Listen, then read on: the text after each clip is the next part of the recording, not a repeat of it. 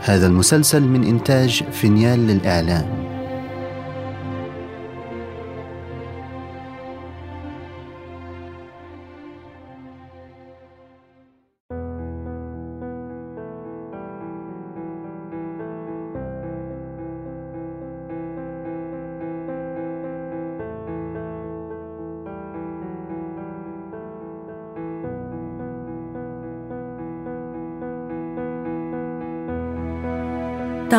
المدن طويلا.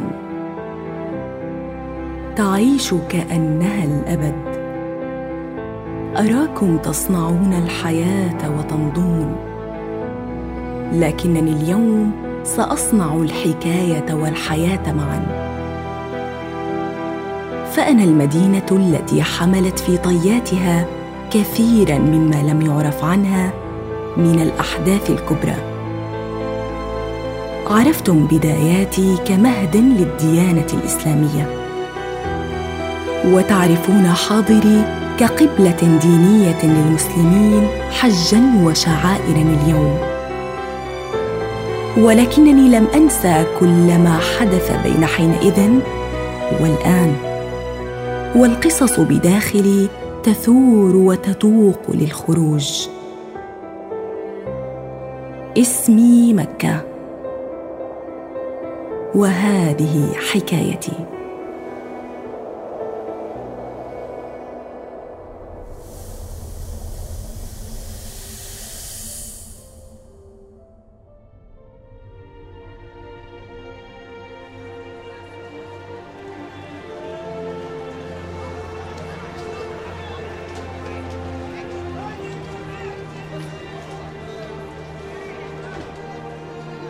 سقطت الخلافة العباسية.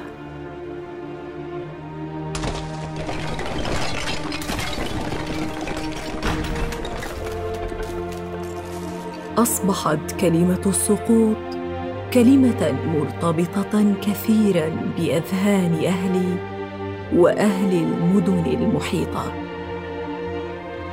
فلا علو يدوم وما الدنيا إلا حياة من العلو والهبوط والحضور والغياب. تتكرر بشكل مستمر كالدوامة. لكن ما شغل بالي بشدة في وقتها كان السؤال كيف تصنع الذاكرة؟ وكيف يحفظ التاريخ؟ فأهلي والمدارس وما حولها من علوم موجودون ويدونون. لكن ماذا عن وصف كل شيء يحدث بين أهل مكة وفي أرضهم؟ ولكن كل ما سمعته هو سقطت الخلافه العباسية. تناقل الناس الخبر وتناقلته معهم. فالمدن تتناقل أخبارها أيضا. وبعدها أتى علينا زمان متقلب. منذ سقطت راية بني العباس في بغداد سنة ستمائة وست وخمسين للهجرة. اشتعلت في الوسط ما بين طرفين. أولهما المماليك في مصر. الذين كانوا قد غرسوا جذورا في الحجاز. والطرف الثاني كانت الدولة الرسولية في اليمن. القوة التي خلفت الأيوبيين. والذي كان يدعمهم بعض أهلي وأشراف أرضي. ويدعون لهم فيما كانوا يدعون سرا قبل سقوط خليفة بني العباس وجهرا بعد أن سقط. لم أفهم بتاتا كيف يتمكن الإنس من التركيز على اختلافات طفيفة واستخدامها كتبرير للقتال والقتل. ولكنها ظاهرة شاهدتها مرارا وتكرارا خلال وجودي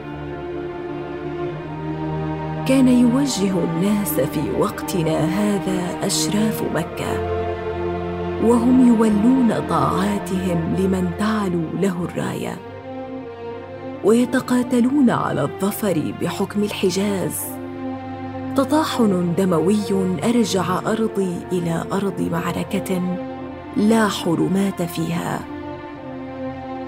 خارج حدودي سمعنا عن المعارك بين سلاطين الدولة المملوكية. يا أهل مكة لقد بلغنا فيما بلغنا أن المظفر قطز قد هزم التتار. ولكن لم يحظى أهلي بالفرصة للاستبشار بهذا النصر البعيد الذي هزم فيه سلطان الدولة المملوكية الجديد التتار. لأن أحوال العيش لم تتحسن بل سادت نتانة الجوع والفقر والبطاله على شوارعي بسبب التطاحن على أرضي الذي استمر بين الأشراف حتى سنة ستمائة وسبع وستين من الهجرة. واليوم الذي انتصر فيه الشريف محمد بن أبي سعد بن قتادة على عم أبيه إدريس بن قتادة. يريد والينا الجديد أن يخطب بالناس. الوالي الجديد؟ لعله يطيل. فينظر في أمر جوعنا وشظف عيشنا. اجتمع أهلي على الوالي الجديد. الذي لقب بالشريف أبا نمي. وتابعوه يخطب فيهم مبشرا بحكم الظاهر بيبرس في مصر وولائهم له. وعن خير وفير سيطال مكة في حكمه. رأيتهم يهللون مستبشرين. على أمل أن تنتهي أيام الجوع والتطاحن ولكن حكم الظاهر بيبرس لمصر لم يعد بالنفع على أهل مكة بل زاد جوعهم وعزلتهم. وكان الوالي أبو نمي يضيق على الحجاج في أموالهم وحجهم. وتفاقمت الأمور في سنة ستمائة وتسعة وثمانين من الهجرة.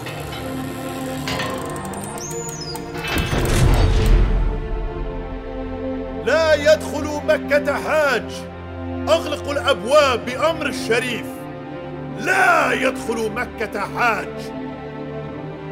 في عامي ذاك شهدت بحسرة حلقة من حلقات الصراع بين بعض جند قوافل الحج وأهلي. ولت أيام الإشراف على خدمتهم وتبادل المعارف والعلوم. وظننت معهم أنها قد لا تعود. لقد وصلت الأنباء إلى سلطان مصر الذي كان في وقتها ينظر بقلق بالغ إلى ما يحدث بين جوانبه من اقتتال طال أمده. فعلة إغلاق الحرم لم تكن لتمر مرورا هينا. وقام السلطان ببعث رسالة شكلت تهديدا صريحا للأشراف وحكمهم به. وما كان لهم إلا أن يتبعوا الولاء لمصر بكثير من الخنوع والطاعة. على أمل أن يجنبهم ذلك أيضا سنوات الشظف والجوع. بعد أن أحكم السلاطين في مصر قبضتهم عليه. توضح الشكل الاجتماعي لمجتمع الجديد وطبقاته. فكانت ثلاث طبقات. تبدأ بالأشراف الذين استلموا مسائل السلطة والحكم وتنتهي بعامة الناس من أهل مكة. بما يشمل علماءهم وتجارهم والطلبة الذين ملأوا ساحاتي وأسواقي بالحياة. وتوسطهم في ذلك قادة مكة. وهم الطبقة العسكرية التي كانت توالي الأشراف في التنظيم والصراعات وتتلقى أوامرهم فقط.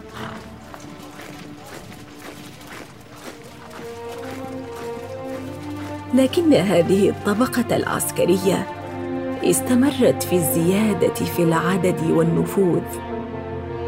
وبمرور السنوات أصبحت قوة منفصلة. هابها الأشراف لأنه بدعمها ينتصر بعضهم على بعض. وخافها السكان لما عرفوا عنها من بطش وقوة. وتجنبها الحجاج منصاعين لما يلقونه منها من أوامر تنظيمية. هذه التوترات وإن قلت جعلتني وأهلي في قلق مستمر والأيام تمر. إلا أن المدن لا تستمر إذا فقد أهلها الأمل. فوجدت نفسي مستثمرة في مصير الناس. أتمنى لهم المضي قدما لئلا تنتهي قصتي. وبالفعل تمكن أهلي في هذا العهد إيجاد طريقهم نحو الحياة مهما صعبت وضنكت. فكانت لهم أفراحهم وعاداتهم الجديدة التي تشكلت. مستمدة بعضها من مواسم الحجاج الآيبين وبعضها مما وصلهم من أخبار مصر والأصقاع المجاورة.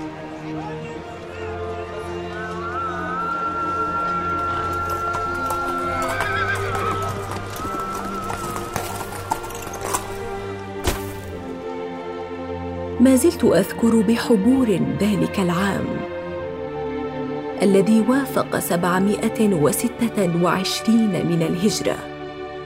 يوم وفد إلي بين الوافدين الكثر من شتى أصقاع العالم. رجل يقال بأنه قد طاف العالم كله. لقبه الناس فيما بينهم باسم ابن بطوطة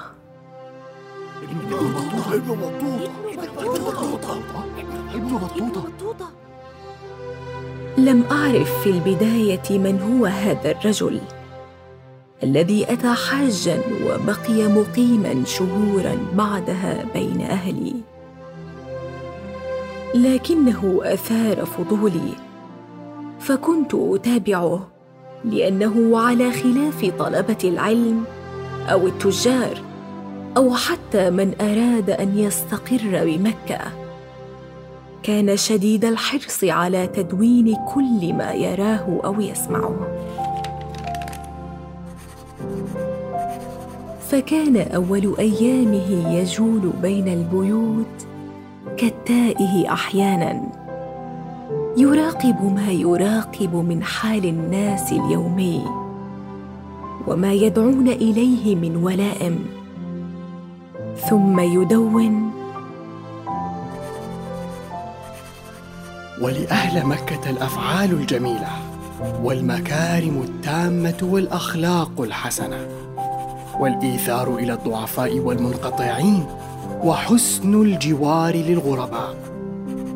ومن مكارمهم أنه متى ما صنع أحدهم وليمة يبدأ فيها بالطعام للفقراء ويستدعيهم بلطف ورفق وحسن خلق ثم يطعمهم.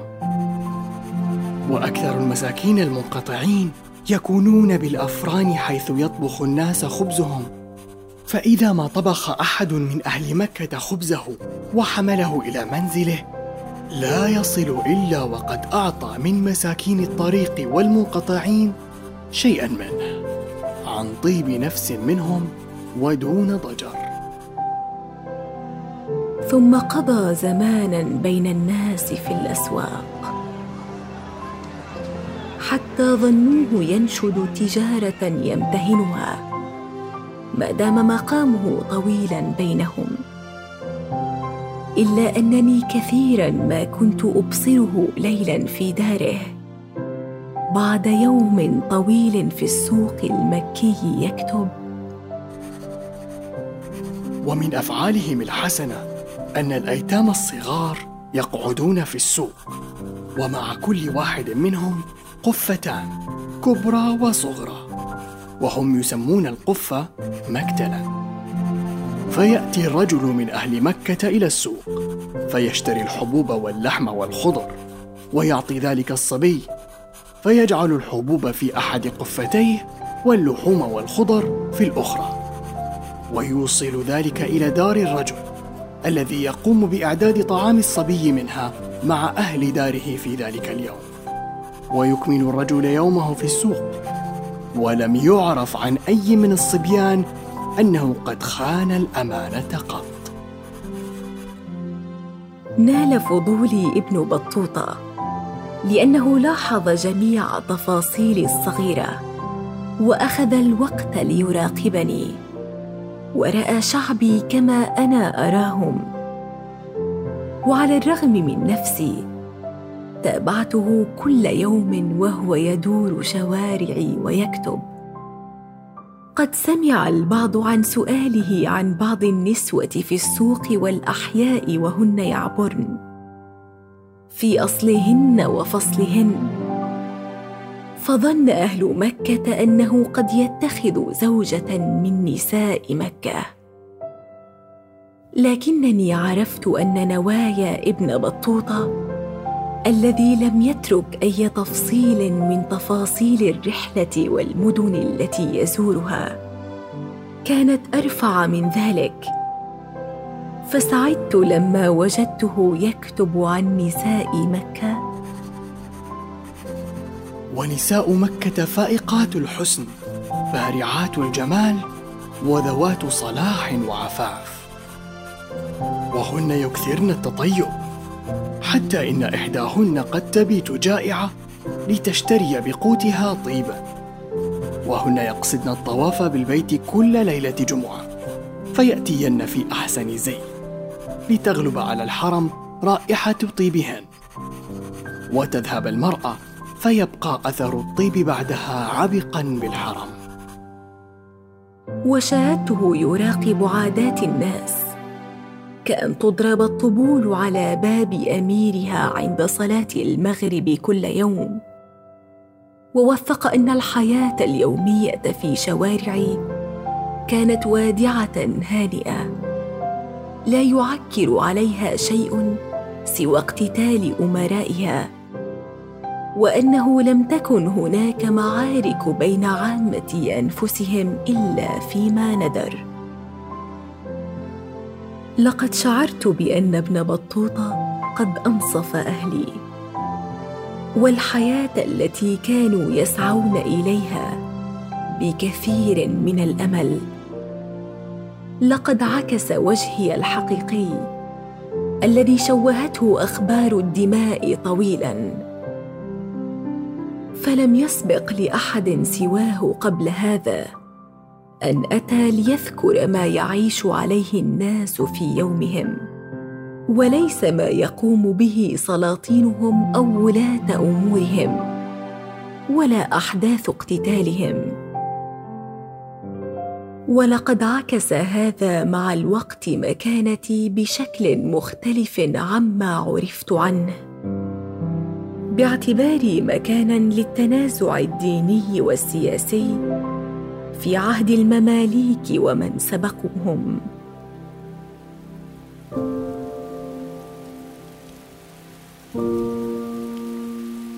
بقي ابن بطوطه بيننا زمنا فكان شاهدا أمينا على كل ما حدث. وافتقدته بعدما غادرني. فمن غيره كان سيكتب عني. وأمضيت سنوات عديدة بعدها وأنا أفكر بالمؤرخ. والمغامرات التي لا شك خاضها خلال رحلاته. إلى أن جاء اليوم الحزين الذي سمعت فيه عن خبر وفاته في المغرب. عام سبعمائة وتسعة وسبعين الهجرية. فحملني حزني إلى بداية القرن التالي الذي بدأ بأحداث عسيرة علي وعلى أهلي. أولها وفي العام ثمانمائة واثنتين للهجرة وقع بي سيل عظيم كأفواه القرب.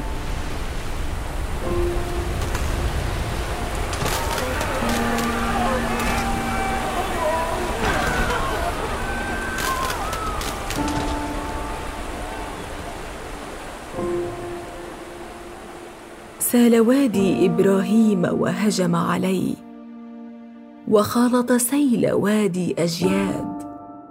فصار بحرا زاخرا دخل المسجد الحرام من غالب أبوابه. فكان عمقه فيه خمسة أذرع.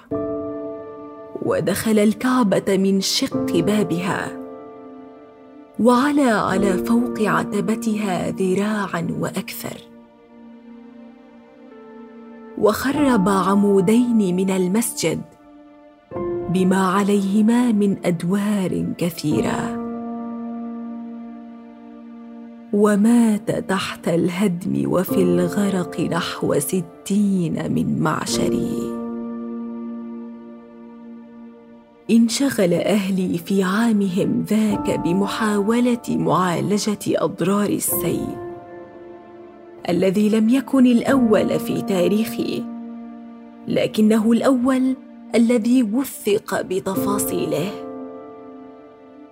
فأخذت أتابع معهم ما راحوا يعملون عليه من أعمال ترميمية وإعانة الأهالي في البيوت المتضررة. فلأسابيع بعد السيل شاهدتهم يجففون الشوارع ويعيدون البناء ويفتحون أبوابهم لمن تأثر. وحينها علمت بلا شك أن أهل مكة شعب مثابر يرفض الاستسلام مهما حدث لهم. فالمدن كما ذكرت لا تستمر بدون الأمل ولم يعيد أملي إلا مشاهدة معشري. وهم ينشغلوا في اعوامهم التي تلت ذلك في مواصلة حياتهم وعاداتهم. لكن الأيام دول كما قيل ذات يوم ولا عهد له أن يدوم.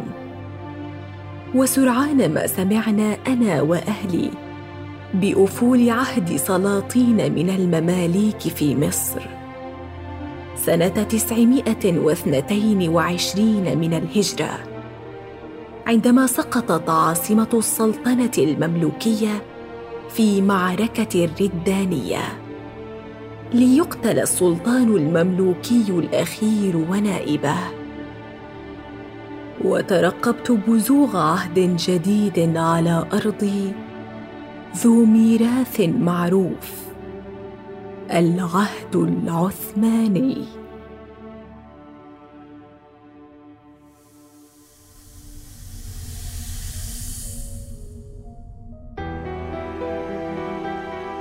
فتلاشى عصر وحلت مكانه حقبة جديدة.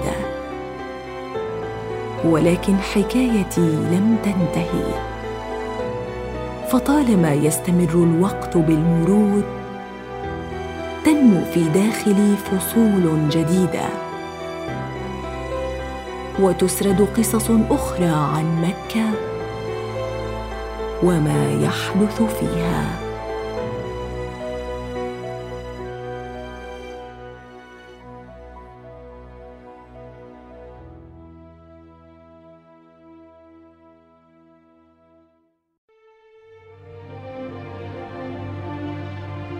إذا استمتعتم بهذه الحلقة لا تنسوا الاشتراك لبث المسلسل ومتابعتنا على جميع منصات السوشيال ميديا.